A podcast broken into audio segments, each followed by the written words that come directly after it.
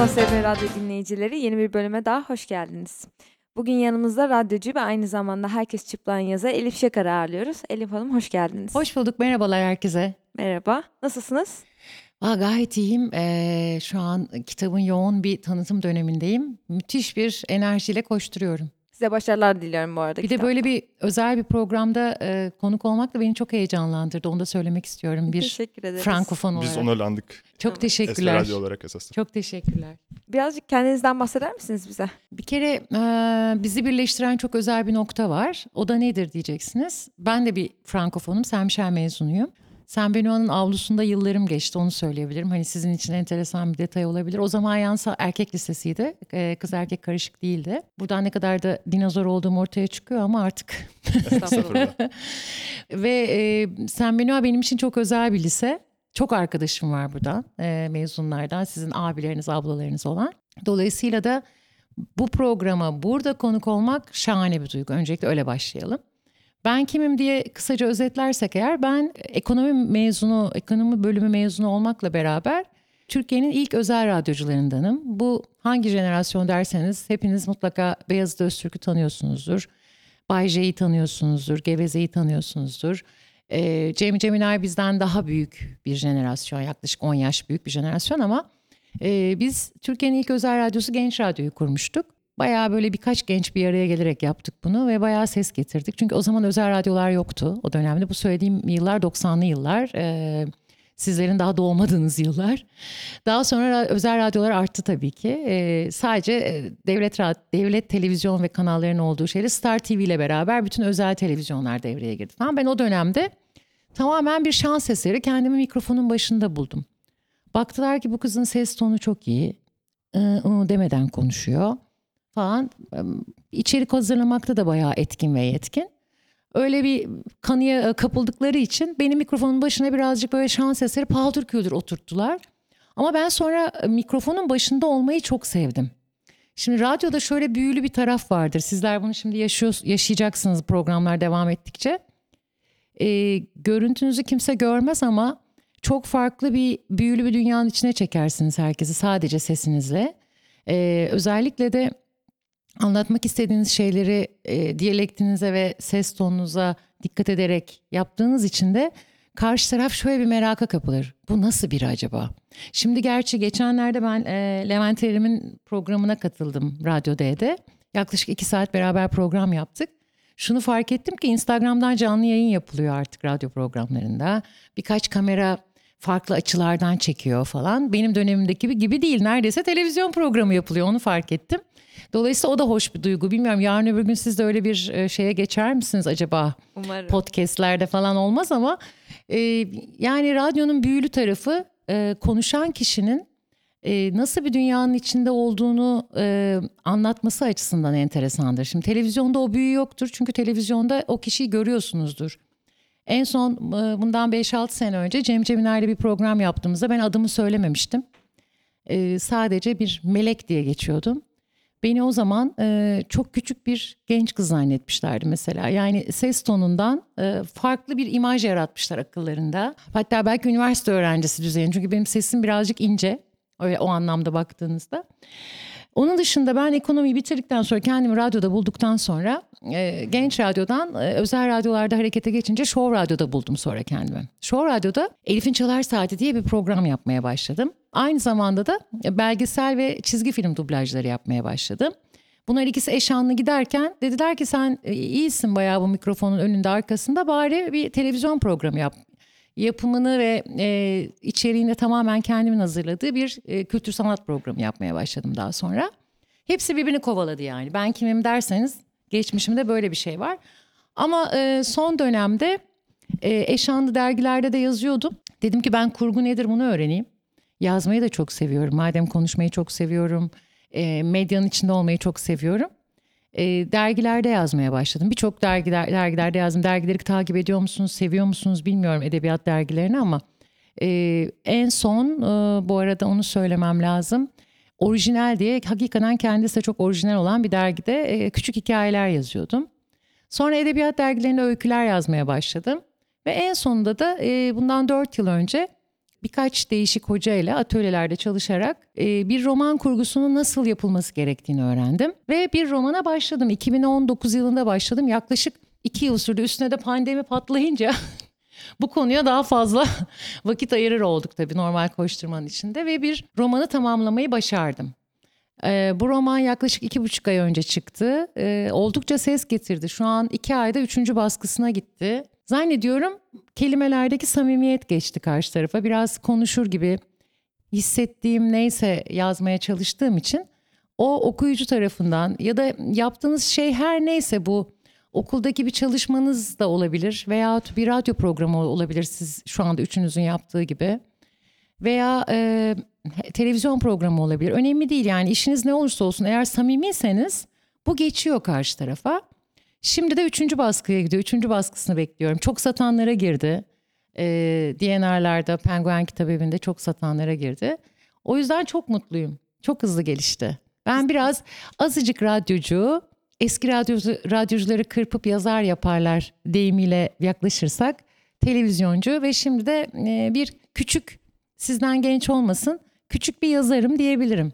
Daha genç bir yazarım diyebilirim. Peki bu kitabı yazarken hani sizi zorlayan noktalar ne oldu? Bu süreçte sizi yoran ya da Yora- karşılaştığınız Şöyle ben e, zaten yazıyordum. Köşe yazısı yaz, yazıyordum, denemeler yazıyordum, makaleler yazıyordum, öyküler yazıyordum. Ama bir öykünün e, kurgusuyla bir romanın kurgusu arasında çok büyük farklar var. Veya bir makalenin ve deneme yazısının kurgusuyla. E, kurguyu öğrenirken hem bir yandan çok korktum. Hakikaten korktum çünkü bir roman demek bir omurga yaratmak, bir yaşam yaratmak demek. İçine karakterler yaratmak demek. Her bir karakterin kendine ait kişiliği, fiziksel ve ruhsal özellikleri var demek ve bütün bu olayları da o omurganın üstünde bir zaman e, skalasında bir araya getirmek demek. Mantık hatası yapacak mıyım diye korktum çünkü içinde bir morg sahnesi vardı, içinde bir kayıp kişi sahnesi vardı. Biraz polisiye tarafı var ama aslında anlatmak istediğim kesinlikle bir polisiye değil. Mikrofondan uzaklaşmamak için sana şöyle dönmüyorum. Ee, bir polisiye değil. Ve e, kurguda acaba bir yanlış yapacak mıyım? Birinci korkum buydu. İkinci korkum da acaba okuyanları sürükleyecek mi? Çünkü ben kendim kitabı çok okuyan biriyim. Çok kitap okudum bu yaşıma kadar. Kendimin okumaktan hoşlanmadığı herhangi bir eseri yazmak istemezdim. O yüzden de ilk ölçütüm şu oldu. Beni okurken acaba sürüklüyor mu bu yazdığım şey? Kendimi çok acımasızca eleştirdim. Bir de şöyle saçma bir şey oldu. Bir sene boyunca yazdım, bitirdim. Her şey bitti, şahane, hazırım, yayın evlerine göndereceğim falan. Bir şey beni dürttü ve e, içime sinmedi. Bir tane karakteri çöpe attım. Bildiğiniz bayağı çöpe attım yani. Çıkarttım hikayeden. Sonra kalan yedi karakteri daha fazla yoğurmam gerektiğini anladım. Bir yıl daha sürdü. Yani toplam iki yıl sürdü bitirmem. Ee, korkutucu ama çok adrenalinli bir iş. Bilmiyorum yaz, yazıyor musunuz veya yazmayı seviyor musunuz? Buradan bütün yazmayı seven e, Sen Benoğlu genç arkadaşlarıma sesleniyorum. Eğer yazmayı seviyorsanız size kelime avcılığını öneriyorum. Yani bir gün bir roman, bir eser, bir öykü, bir hikaye kitabı e, yayınlatmak gibi bir arzunuz veya hayatınızı e, edebiyatla sürdürmek gibi bir e, tutkunuz varsa herkese kelime avcılığı. Kelime avcılığı nedir diyeceksiniz. Çok mu uzattım bilmiyorum. Sen beni aradı. Ben çok gevezeyimdir. Mesleki deformasyon bu. Beni arada e, susturun yani. Ben yoksa yok sabaha kadar konuşurum. E, şöyle kelime avcılığı şu demek. Ben e, bu coğrafyada nerede olursam olayım, hangi noktada olursam olayım, hangi semtte veya vapurda veya otobüste veya arabada giderken veya evde bir şey seyrederken özellikle İspanyol dizileri müthiş ters köşe sonlarıyla meşhur biliyorsunuz. Mutlaka beni heyecanlandıran bir kelimeyi, bir konuşmayı, bir diyaloğu arada yakalıyorum. Ve telefonumda e, notes bölümüne yazıyorum. Yani şu an mesela yeni romanıma başladım ben. Onun için sürekli biriktiriyorum. Sonra onun o yazı e, lisanı içinde bir anda Aa, ben böyle bir şey yazmıştım, not almıştım diye düşünüyorum. Ve puzzle gibi onun içine yerleştiriyorum. Kendi üslubumla. Dolayısıyla şarkılar, seyrettikleriniz, okuduklarınız bir kere bir başucu kitabı yapmak lazım. Yazmaya niyetler için söylüyorum bunu. En sevdiğiniz kitap hangisi ise lütfen onu bir başucu kitabı yapmak lazım. Yani tekrar tekrar okuyun. Her okuduğunuzda başka bir şey buluyorsunuz. Her okuduğunuzda başka bir noktasından karşınıza başka bir şey çıkıyor. O yüzden e, mesela kim diyeceksiniz? Muhtemelen soracaksındır ama Joe Nesbo'ya hastayım ben mesela. Hiç biliyor musunuz Joe Nesbo'yu? Bir e, Danimarkalı bir yazar. Dünyada milyonlarca satmış bir yazar. Aslında bir polisiye. Ama anlatmak istediği başka mesajlar var arkada ve karakterleri çok arıza. Ben arıza karakterlere bayılıyorum. Acaba kendim biraz arızayım ondan mı diye düşünüyorum. Ama arıza karakterlere bayılıyorum. Bende de arıza karakterler var. Ee, benim romanda bir ilginç şey var. Ee, yedi karakter bir hafta içinde e, hayatlarının tepe taklak olmasına e, sebep veren bir olayın içine düşüyorlar. Bir kadının kayboluşuyla hayatları mahvoluyor. Önden arkadan böyle e, domino taşları gibi birbirlerinin üstüne devrile devrile devrile. Aslında tamamen 400 sayfaya yakın bir e, alanda diyeyim. Ben sadece 4 gün anlatıyorum. Bütün her şey 4 günde oluyor ama çorap söküğü gibi oluyor falan ve sürükleyici olduğunu söylediler. Yorumlar hep öyle geldi. Sen okuyabildin mi bilmiyorum. Vaktin olmamıştır muhtemelen. Daha vaktim olmadı. Okuduğunda Evde göreceksin, okuduğunda göreceksin. Sürükleyici olduğunu söylüyorlar. Yani en çok zorlandığım kısım aslında özet çok uzun anlattım ama e, kurgudan korkuyordum. Kurgu sevilecek mi acaba? Buna, bundan bayağı endişeliydim. Şimdi sevilince çok rahatladım. O yüzden ikincisine rahat devam edebilirim. O kitabı kaç kez okudunuz yani baştan? Kendi yazdığım Evet. eserim mi? Şöyle söyleyeyim bak 2019'da başladım 2020'de bitti bir daha baştan okudum. 2020'de tekrar yeni kurguyu yapmak için bir daha baştan okudum bir daha yazdım. Sonra bana herkes dedi ki e, çok cesaret kırıcıydı bu kısım. Büyük yayın evleri kabul etmez dedi yeni yazarları ilk romanları e, çok zor kabul ederler. O yüzden çok ümitlenme dedi. Sen bir küçük yayın evinden işte e, ücretini ödeyerek bastır kitabını. Ama ben çok inatçıyımdır. Çok azimliyimdir ve inatçıyımdır. Hayatta aslında bence bu podcast'in bu bu programın em, ana konusu şu olabilir. Yani bu programı işte Elif Şakar geldi konuk oldu ne demek istedi diye denirse hayal neyse e, onun peşinden gitmek lazım ve asla vazgeçmemek lazım. Ben bunu bu kitapla beraber gerçekten gördüm ve yaşadım. E, bir hayal kurdum. Herkes vazgeçirmeye çalıştı. Bir yıl iki ay yayın evlerinin beni kabul etmesini bekledim. Red cevapları aldım. Ee, bazı yayın evleri ilk kitap basmıyor çünkü. Çünkü sizi tanımıyorlar. Dolayısıyla biraz bu aslında yumurta tavuk tavuk yumurta olayına dönüyor. Sizi tanımıyor ama sen beni basmazsan beni nasıl tanıyacaklar gibi bir durum oluyor.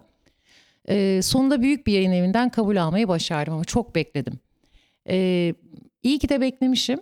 Çünkü büyük yayın evi e, bir eserin doğru rafta doğru şekilde tanıtılmasına, doğru saygıyı görmesine vesile oluyor. Öbür türlü e, küçük ya- yayın evleri biraz küçük balık büyük balık gibi denizde kayboluyorlar. O yüzden hayallerinizden gençler vazgeçmeyin. Her neyse bu. Yani çok uçuk bir hayaliniz de olabilir. Siz elinizden geleni yapıp gerisini bekleyin. Bir şekilde ben inanıyorum buna. her türlü etken size yardımcı olmak için hazırlanıyor çabanızı görünce. Böyle oldu benim eee, bununla ilgili. Yani zorlandığım kısım bu. Birkaç kere okudum tabii ki. Hatta yedi kere, e, pardon özür dilerim sorunun ana şeyini kaçırdım. E, ana skalasını. Birkaç kere okudum. Yayın evine gittikten sonra da onlar bana bir takım küçük düzeltmelerle geldiler, önerilerle geldiler. Onun üzerinde yaklaşık birinci bölümün üzerine bir e, bir buçuk aya yakın çalıştıktan sonra tekrar yolladım. E, editörlük aşamasına geldi. 3-4 tane farklı editör kitabı inceledi. Ya- Yani dil bilgisi hatası olmasını, yazım hatası. Anlatım dilinde çok sorun yoktu ama dil bilgisi kuralları çok değişmiş. Haberdar mısınız bundan bilmiyorum ama ben şaşırdım. Dil bilgisi kuralları gençler sonsuz değişmiş. Yani yeşil zeytinin beraber yazılması nedir? İnanamadım buna. Mesela oysa ki nasıl yazıldığını hatırlıyorsunuz? Ayrı, Ayrı olması gerek. Değil. Artık değil. TDK ve diğer şeyi unuttum şu anda aklıma gelmiyor değişik bir isim. Gerçekten bağlaçlarla ilgili bütün kurallar değişmiş. Yani Allah size kolaylık versin diyorum ben bir yandan. İyi ki şu an lisede değilim diyorum gerçekten. Ama bir yazar olarak bu kadar yoğun bir editör ekibiyle çalışmama rağmen ve büyük bir yayın evinin editör ekibiyle çalışmama rağmen gerçekten zorlandık yani. Benim doğru kabul ettiğim her şey yanlış çıktı. Böyle bir süreç oldu. O yüzden çok okumak zorunda kaldım. Birkaç kere ben okudum. Peki Başka- bu e, şöyle Esas olarak iki ana dala ayıran, ayrılan hayatınızda hem radyo hem kitap olarak hı. hangisinde istediğiniz gibi kendinizi duyurma, duyurabildiniz? İstediğiniz gibi olabildi tam. Sesiniz çıkabildi. Benim e, radyoculukta aslında yapacak daha fazla bir şey kalmadı. Ben e, ra- radyoculukta çok uzun süre varlık gösterdim. Hatta Elif'in Çalar Saati jingle'ım benim bir markaya ilham oldu. Onlar buna benzer bir jingle yaptılar. Çok önemli sponsorlarım oldu. Yani böyle şey gibi olacak birdenbire sahne sanatçısının yorumu gibi olacak ama çok fazla şey yaşadım ve başarıyı tattım. O canlı yayın heyecanı çok yoğun yaşadım. Radyoculuk dünyanın en güzel işlerinden biridir. Ee, fakat artık e, dublaj ve radyoculukla ilgili dönemi biraz kapattım. Sadece reklam dublajına devam ediyorum şu anda. Hala devam ediyorum. Bir makarna markasının dublajlarını yapıyorum. Belgesel seslendirmek çok keyifliydi. Ee, çizgi film seslendirmek çok keyifliydi. Onu da size tavsiye ederim. O dünyaya da mutlaka girin. Gerçi biraz tiyatro sanatçıları, ünlü kişiler bu konuda daha avantajlılar. E, Daha yüksek kaşeler alıyorlar, daha yüksek ücretler alıyorlar. Eğer siz sıradan birisi, yani kimsenin tanımadığı biriyseniz e, biraz daha az ücret alıyorsunuz.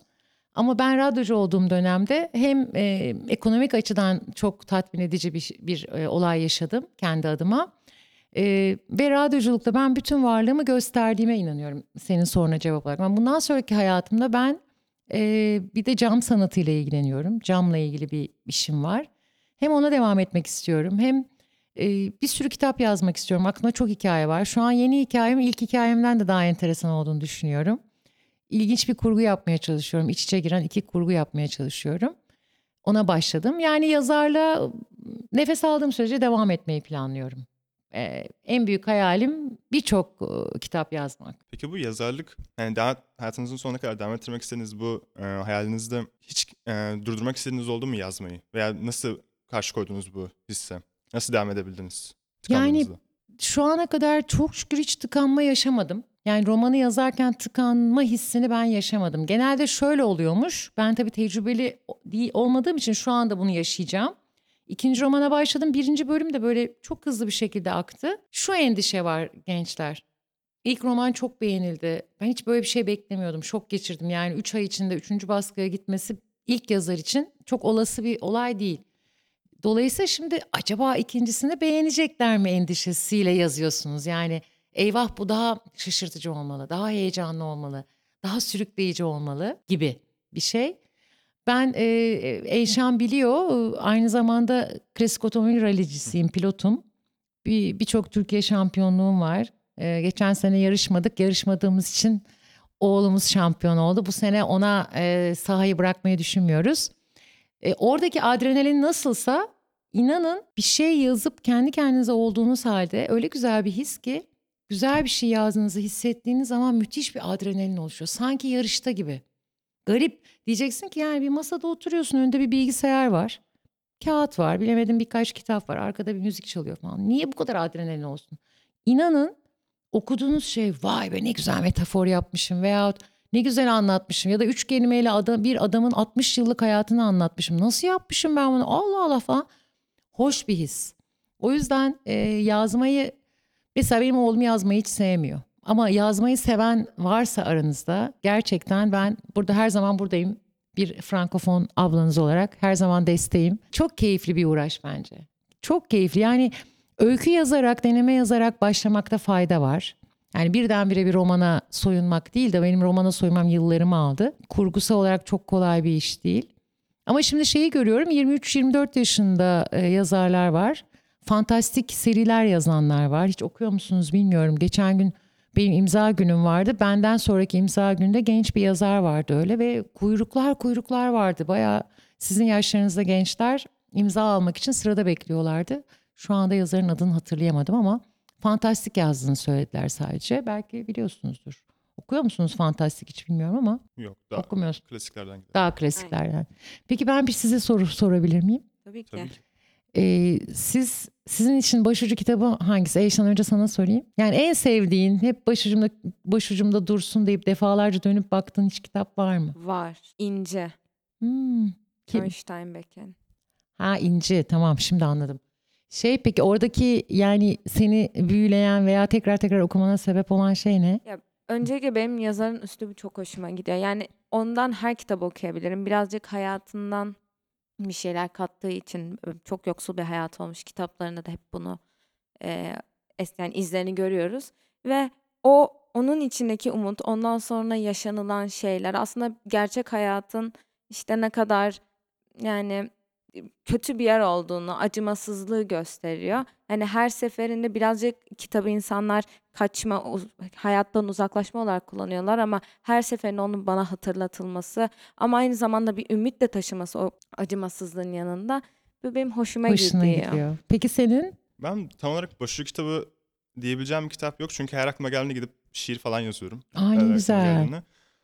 Ama diyecek olsam hızlı bir hayatı anlattığından imkansızın şarkısı var. Haruki Murakami. Hmm, Ay Murakami zaten başlı başına bir efsane. Kesinlikle. Ee, onu Çok sevdiğim bir okudum. yazar benim de. Peki senin? Ahmet Ümit. Şimdi benim bana ver yapılan en güzel iltifat şuydu. Biraz abarttıklarını düşünüyorum o ayrı konu ama e, kitabın bazı yerlerinde eğer okursanız benim kitabımı göreceksiniz. Bazı yerlerinde Ahmet Ümit e, tarzı var dediler. Bu benim için alabileceğim en, en güzel iltifatlardan biriydi. Çünkü Ahmet Ümit'i severim. Ama ben bir polisiye yazarın olmaktan ziyade insan ilişkilerini yazan bir yazar olmak istiyorum. Yani hep insan ilişkileri anlatmayı, insanların maskelerini, içine sıkıştıkları kimlikleri. Bir de sizler bizlerden şanslısınız. Biz bir önceki jenerasyonda doğru meslek seçimi ve doğru partner seçimi konusunda aile ve e, toplum baskısına daha fazla maruz kalmış bir jenerasyon. Siz daha özgürsünüz hepiniz. E, bunları ifade eden e, bir mesaj içeren bir kitap yazmaya çalıştım. Ama bunu böyle canlı diyaloglar ve bir kaçma kovalamaca ve sürüklenen böyle akan bir adrenalinle yapmak çok istedim ki okurken sıkılınmasın. Çünkü 300-350 sayfayı böyle okurken içinin daralarak ağır ağır okumak ya da yoğun tasvirlerle olsun hiç istemedim. Mesela genel geçer kabul edilen çok meşhur yazarlar var.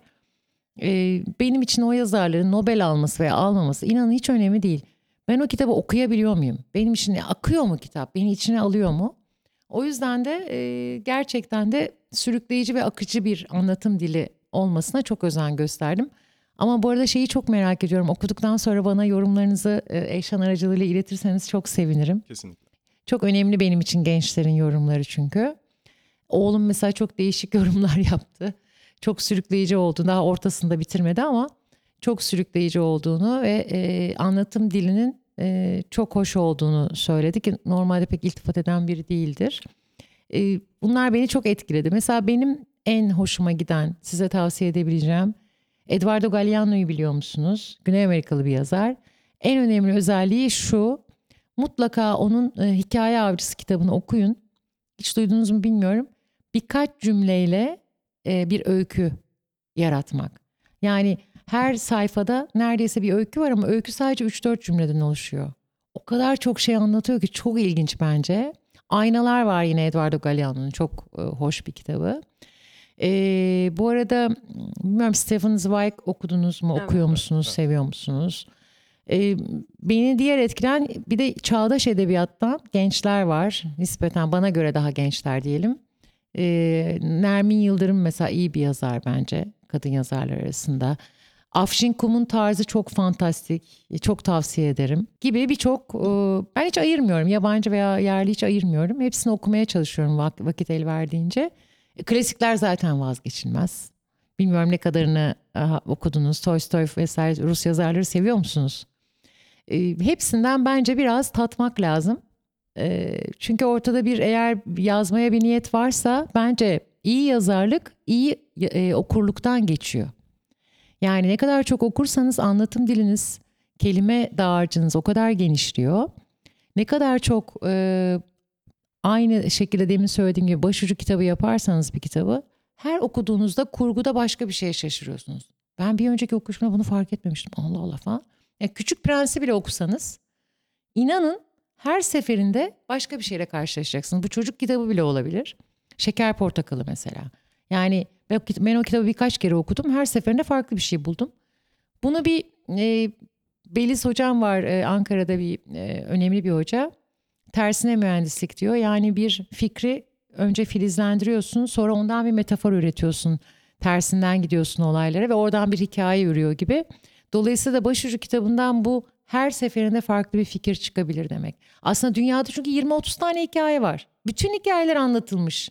Yani yeni hiçbir konu yok. Bütün konular klişe aslında. Ama klişelerden farklı e, metotlarla farklı öyküler, hikayeler, romanlar yazabilmek mümkün. Çok konuştum gene değil mi? Yok. Tamam. Şimdi ben olayı birazcık e, kitaptan radyoya taşımak istiyorum. Tamam. Şimdi illaki çok fazla ünlüyle tanışmışsınızdır. Beraber iş yapmışsınızdır. Sizde böyle etkisini bırakan biri var mıydı? Varsa da kim? Olmaz mı? Ee, benim en önemli hikayelerimden biri beni en, en çok etkileyen Barış Manço benim programıma konuk olmuştu. Ee, aşağı yukarı sanatçılar arasında birçok ilki yaşadım. Yani e, Candan Erçetin, Barış Manço, Teoman. E, sizden en çok ilginizi çekebilecek hikayeyi Teoman'ı anlatayım. Teoman daha ilk al- albümünü yeni çıkartmıştı. E, programa gelmek istedi ama ben çok çalışkan bir radyocuydum. Dedim ki e, dışarıda buluşalım ben sizinle bir röportaj yapayım. O röportajı da e, yayında kullanmak istiyorum. O zaman digital audio tape'ler vardı hala var mı bilmiyorum biz onlara DAT derdik. Küçük böyle şöyle minik şeyler kasetler. Neyse ben dedi ki ben üniversitede şu an dedi e, kadınlar kütüphanesinde tezimi bitiriyorum. Orada buluşalım. O zaman dedim bir taşla iki kuş vuralım. E, hem televizyon için görüntü alalım hem radyo için e, yayına hazırlık olsun. Bir röportaj yapalım. İlk defa benim programıma katıldı. Orada çok güzel bir röportaj yaptık ama o zaman Teoman bu kadar meşhur değildi yani. Teoman değildi daha ilk albüm olduğu için çıkış albümüydü. Çok ünlü katıldı yani şu an aklıma gelmeyen evin bizim evde şu anda e, kocaman bir e, sandığın içinde hepsi duruyorlar. Barış Manço'yu çok e, yani her hatırladığımda çok etkileniyorum çünkü çok özel biriydi. E, bir de çocukluğum ondan geçtiği için onu canlı yayında ağırlamak benim için çok büyük bir onurdu yani gurur kaynağıydı.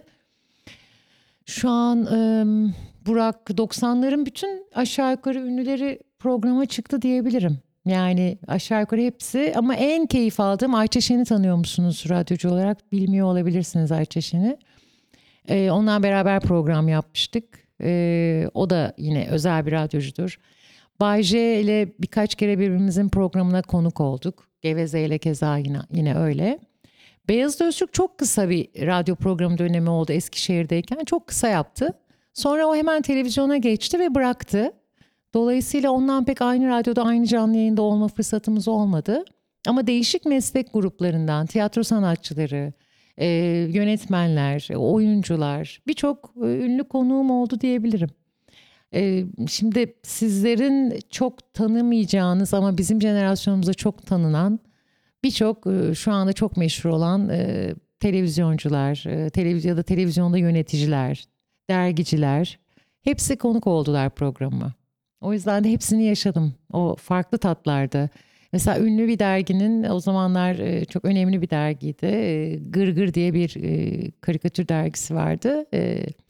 Oradan birçok yazar çizer konuk olmuştu. Keyifli bir şey yani radyoculuk bence şahane bir şey. Çünkü her mesleğin rolüne soyunabilirsin. Harika bir şey. Konuk ettiğin sırada hepsini öğreniyorsun. Hepsini anlatma şansın var. Ben çok çalışkandım. Radyoculuk çalışkanlık çalışkan olmayı gerektiren bir e, meslek grubu bana göre. Çok hazırlanırdım programa.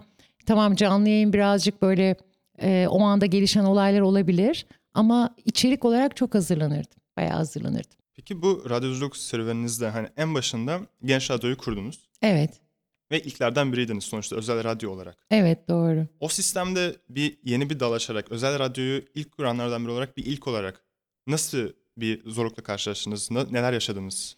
Nasıl bir duyguydu? Ben şimdi geçen gün e, Levent Erim'in programına konuk oldum. Levent de benim yine e, radyoculuk dünyasından çok sevdiğim bir meslektaşım, arkadaşım aynı zamanda. Onu fark ettim. E, biz programı yaparken aynen şu an olduğu gibi e, aramızda bir çift cam vardı ve karşı tarafta bir tek masa dediğimiz masada e, birisi e, bize yardımcı olurdu masayı kullanırız. Şimdi artık işler öyle yürümüyormuş. Tamamen her şey ve her şey e, otomasyon üzerine. E, neredeyse programcı sadece ve sadece mikrofonun başında konuşuyor. Yani hiçbir şeye karışmıyor. E, kendisi kumanda ediyor ama bir, birkaç düğmeye basması falan yeterli. Bu mesela müthiş bir kolaylık. Müthiş bir kolaylık. Teknik anlamda diyeyim, teknolojik anlamda çok büyük gelişmeler. Öyle zorluklar yaşadık.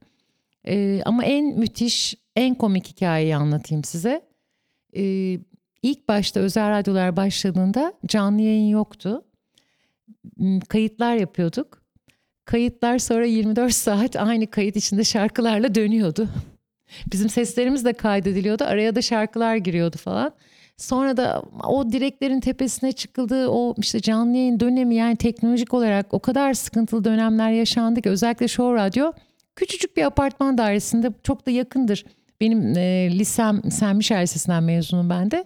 Bizim liseye çok yakın Bomonti'de küçük bir apartman dairesinde başlamıştı serüven. Sonra biz Hürriyet binasına taşındık. İki tane de büyük bir Hürriyet binası var. Biliyorsunuzdur belki o bayağı devasa bir yer. Ee, oraya taşındıktan sonra teknoloji bize biraz daha e, kolaylıklar sağlamaya başladı. Yani bütün çektiğimiz sıkıntı aslında sadece ve sadece teknik açıdandı. Yoksa e, canlı yayın ruh gerektirir. Ruh her zaman her dönemde var. 17. yüzyılda da ruh var, 20. yüzyılda da var. Dolayısıyla teknik konu dışında bir sıkıntı çektik diyemem. İçeriksel olarak gayet mutluyduk. Çünkü yeni bir şey yapıyorduk. E, tanınmayan bir şey yapıyorduk. E, ve ilk olmaktan dolayı da çok gururluyduk. Çok keyifliydik. Peki bu bir radyo olarak yeni kuruldunuz, daha tanınmıyordunuz. Yani belki ilklerdendiniz ama nasıl bir yükselme yolu izleyebildiniz? Şöyle söyleyeyim şimdi dört tane radyo vardı. Genç Radyo'dan sonra Show Radyo, Number One. Ee, zannediyorum sıralamasında yanlışlık yapabilirim tarihsel olarak ama Power FM. Ee, bir de galiba e, Kent FM vardı yanlış hatırlamıyorsam. Şimdi düşünsenize şu anda arabada giderken radyo kanallarında geziyorsunuz. Kaç tane kanal vardır gençler? Herhalde yüzlerce Yüzler. değil mi? Şimdi dört tane kanal olunca sizi e, o kadar farklı bir değerde görüyor ki dinleyici. Çünkü zaten bir elin parmakları kadar radyo var. Özel radyo var. Dolayısıyla dinleme alternatifi ve şimdi bu, bugün artık podcast'ini Spotify'da yani müzik dinleyebilirsin, radyo dinleyebilirsin. O kadar Spotify'da gene aynı şekilde Storytel'de kitap dinleyebilirsin. Çok alternatif var. Yani şunu demek istiyorum. Hayatta kötü görünen veya eksik görünen veya yanlış görünen bazı şeyler aslında e, biraz daha yaratıcılığı mı tetikliyordu diye düşünüyorum. Şu an imkanlar çok. Acaba yaratıcılıkta birazcık daha tembelleştiriyor mu gençleri diye düşünüyorum. Yani aslında iki ucu şey bir değnek bu yani değişik bir denge. O yüzden de e, tam olarak bu soruya aslında şu anki teknolojiyle program yapmadığım için çok, çok net cevap vermememde fayda var. Ama o dönemde biz şunu söyleyebilirim. Çok mutluyduk. Çünkü çok azdık, dinleyicimiz çoktu. Bir de ulusal bir kanaldı. Milyonlarca kişi dinliyordu bizi. E, bütün şehirlerde vardık. E, şu an bu kadar radyocunun herhangi bir yaptığı özel bir programla aradan sıyrılması bence zor. Çünkü bakın hala Bay J dinleniyor. Kaç yaşında bir radyocu. Ee, benden herhalde bir birkaç yaşta büyüktür. Aynı şekilde Geveze dinleniyor. Ve sizler dinlemiyor bile olsanız hani sizin işte babalarınız, anneleriniz dinliyorlar. Ee, milyonlarca kişi dinliyor. Yani sıyrılıp da kendini var etmek bence şu an radyoculukta çok kolay değil. Ee, çok yaratıcı işler yapmanız lazım. Çok değişik şeyler, değişik konuklar getirmeniz lazım. Ben bu arada sürenizi doldurmuyorum değil mi? Ben gevezeyimdir. Aa konuş konuş. Biz şu an çok eğleniyoruz. Arada. İçine Siz kaptırdık. Tamam. Yani e, şey susmam da o yüzden sadece bu arada evet tamam süper vaktimiz var daha. Şimdi birazcık zor bir soru soracağım ben. Şimdi Eyvah. Siz de bir yazarsınız. Eyvah. Şimdi sizce çok gezen mi bilir, çok okuyan mı? Şimdi bu soruna çok e, değişik bir cevap vermek istiyorum. Ben çok gezen ve çok okuyanım. Ben aslında her ikisi bir arada biriyim. E, kendimi gezgin olarak nitelendirebilirim. Çünkü en ufak bir boşlukta e, iş arasında hemen bir yerlere kaçan biriyim. Değişik coğrafyaları, değişik e, yerleri görüp değişik insanlarla tanışmayı seven biriyim. Bence e, ikisi bir arada olmak lazım. İkisi de bilir. Yani çok okuyan bilir demek istemiyorum ama çok büyük bir fark var onu söylemek istiyorum. Ee, biraz belki şeyciler bana kızabilir kitap dinlemeyi sevenler ama ben kitapları kendi kafa sesimle okumayı seviyorum.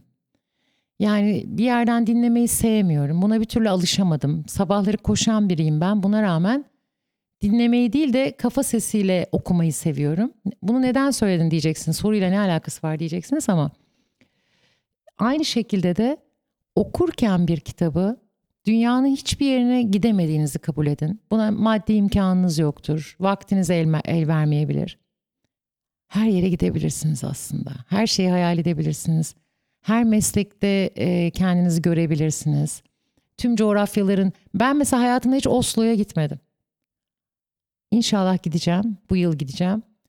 Ama ben e, John Espo sayesinde Oslo'nun bütün sokaklarını, bütün binalarını, e, insanların karakterini, diyaloglarını, nasıl tatil sevdiklerini, ne yemekten hoşlandıklarını biliyorum. Ya da bir e, polis memurunun e, bir cinayet olduğunda olayı çözümlemek için ekip ruhunu nasıl oluşturdu falan hepsini biliyorum.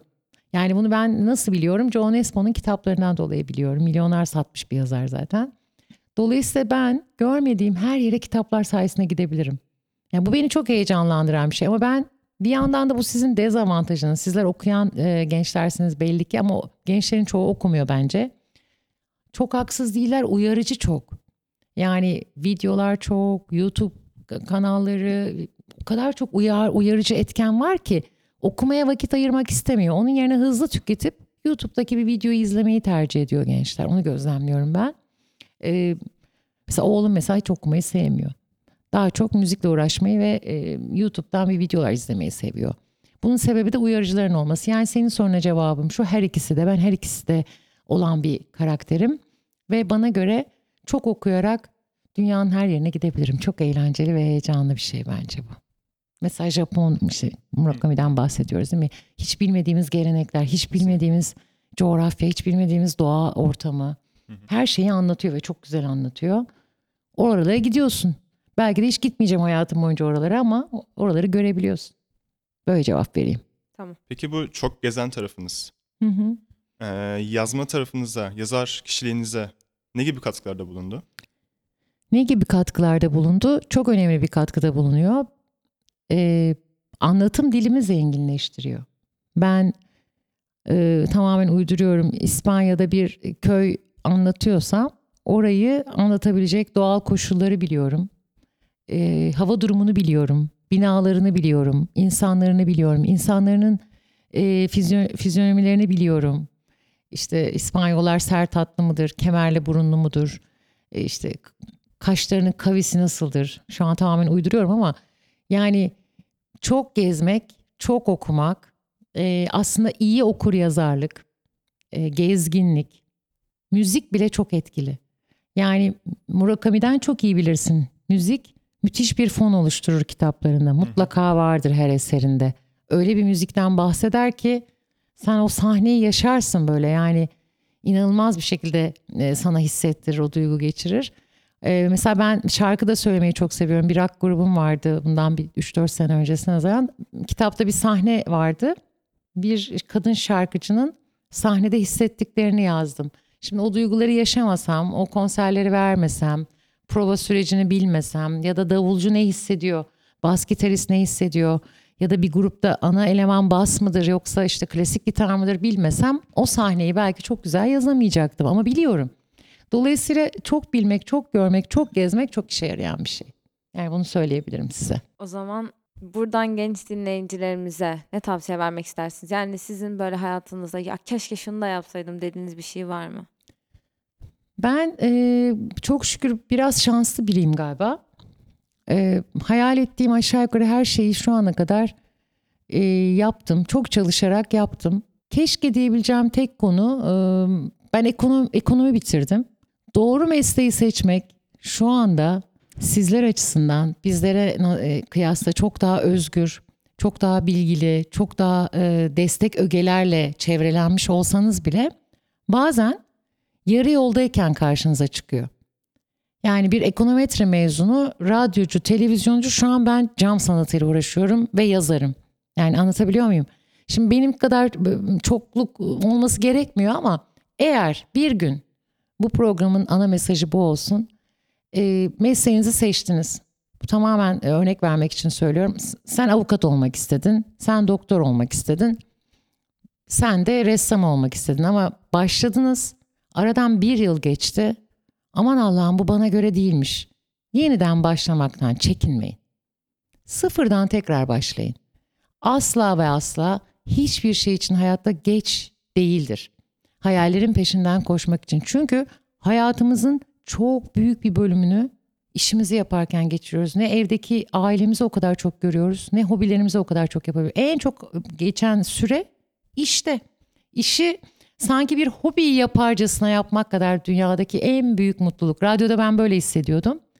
Ve o zaman kendinizi çok şanslı, çok ıı, ödüllendirilmiş hissediyorsunuz. Bir de üstte size para veriyorlar. Allah Allah ne kadar enteresan diyorsunuz. Niye veriyorlar acaba? Ben çok keyif alıyordum bundan. Yani benim vermek istediğim tavsiye özellikle e, Frankofon arkadaşlarıma e, bizim Sen Michel'den daha çok sanatçı çıkar. Sen Benoît'da bilmiyorum şeyler değişti mi nasıldı dengeler bilmiyorum şu anda. E, Birçok e, film yönetmeni, tiyatro oyuncusu Sen Michel mezunudur. E, şunu söylemek istiyorum. E, daha duyarlı, okumaya daha meraklıdır Fransız okulu öğrencileri. Yani genel bu benim e, kanaatim. Tanıdığım arkadaşlarımdan yola çıkarak. Lütfen hayallerinizin peşini bırakmayın. Çok geç olduğunu düşündüğünüz bir yaşta veya konumda bile olsanız bunu yapın. Ben küçük bir noktaya değinmek Tabii. istiyorum. Hazır 8 Mart Kadınlar Günü'nde yaklaşıyorken bu alanda yani bir sürü alanda bir ilke yol açmış. Hem aynı zamanda yarış pilotu hem aynı zamanda işte radyocu, yazar, kadın hakları ya da kadın olmanın Türkiye'de zorlukları. Ben aslında kitapta biraz bundan bahsediyorum. O yüzden de yorumlarınızı merak ediyorum. E, kitapta bir kadının e, sıkışmışlığını hem de avukat olan bir kadının masaya hiç yumruğunu vuramamışlığını anlatıyorum. Bence e, şahsım adına bunu söylemek istiyorum. Biraz radikal bir cümle olacak ama ben kadınların ayrı bir günü olmasına da kızıyorum. Kadınların neden ayrı bir günü olsun aslında? Yani kadın bu feminist bir söylem olarak algılanmasın ama e, kadınları hep onore etmeliyiz, kadın erkek eşittir vesaire derken kadınları sadece özel bir günde kutlanmasına da karşıyım. Sizlerle bu sırrımı paylaşayım. Bana göre zaten kadın var olmalı. Yani erkekten ayrı ayrı düşecek hiçbir tarafı yok kadının. O yüzden de e, açıkçası gittikçe de bu zorlukların devam edeceğini düşünüyorum. Tek bir günde kutlayarak değil de her gün. zaman her zaman kadına eşit muamele yaparak bu olayın düzelebileceğini düşünüyorum. Maalesef kadınlara yönelik işte cinayetler, bu şiddet hepsi devam etmekte ama çok zor bir coğrafyada, çok zor bir ülkede yaşıyoruz. Her gün başka bir zorlukla karşılaşıyoruz. Biz bir e, Norveç gibi bir İsveç gibi sabah işte çöpü kapının önüne koyalım mı koymayalım diye referandum yapılan bir ülkede yaşamıyoruz. Zorlukların içindeyiz. Her sabah başka bir şeyle karşılaşıyoruz ama bu bi- bizi aynı zamanda da çok güçlü kılıyor. Çok umutlu bir şey söylemek istiyorum. Bizim gençlerimiz, sizin jenerasyon, sizden önce bizlerin jenerasyonu biz zorluklarla mücadele etmeyi öğrenerek yaşıyoruz her gün bu ülkede. O yüzden de bu bizim avantajımız. Bunu avantaja çevirebiliriz. Bunu enerjiye çevirebiliriz. Kadın erkek ayırmadan çevirmeliyiz. Kadın ve erkek yan yana olmalı her zaman bana göre. Bu- Çok teşekkür ederim beni konuk ettiğiniz için. Çok mutlu bir Özellikle yayın biz geçirdim. Teşekkür ederiz. Çok özel bir yayında bizim için de. Çok teşekkür ederim. Kırmep geldiğiniz için de ayrıca teşekkür Rica ederiz. ederim ne Evet. demek. Yani o kadar mutlu oldum ki bir de yıllar sonra e, Sen Benoa'da e, arkadaşlarımla burada avluda kıkırdadığımız günler aklıma geldi. Çok teşekkür ediyorum hepinize Teşekkür gençler. ederiz tekrardan. Harikasınız. Hem size bir kez daha hem de dinleyicilerimizi buraya kadar dinledikleri için çok teşekkür ederiz. Ee, SB Radyo'yu e, sosyal medya hesaplarından, Spotify'dan, Instagram'dan takip etmeyi unutmayın. Herkese iyi günler dileriz. Yeni bir bölümde görüşmek üzere.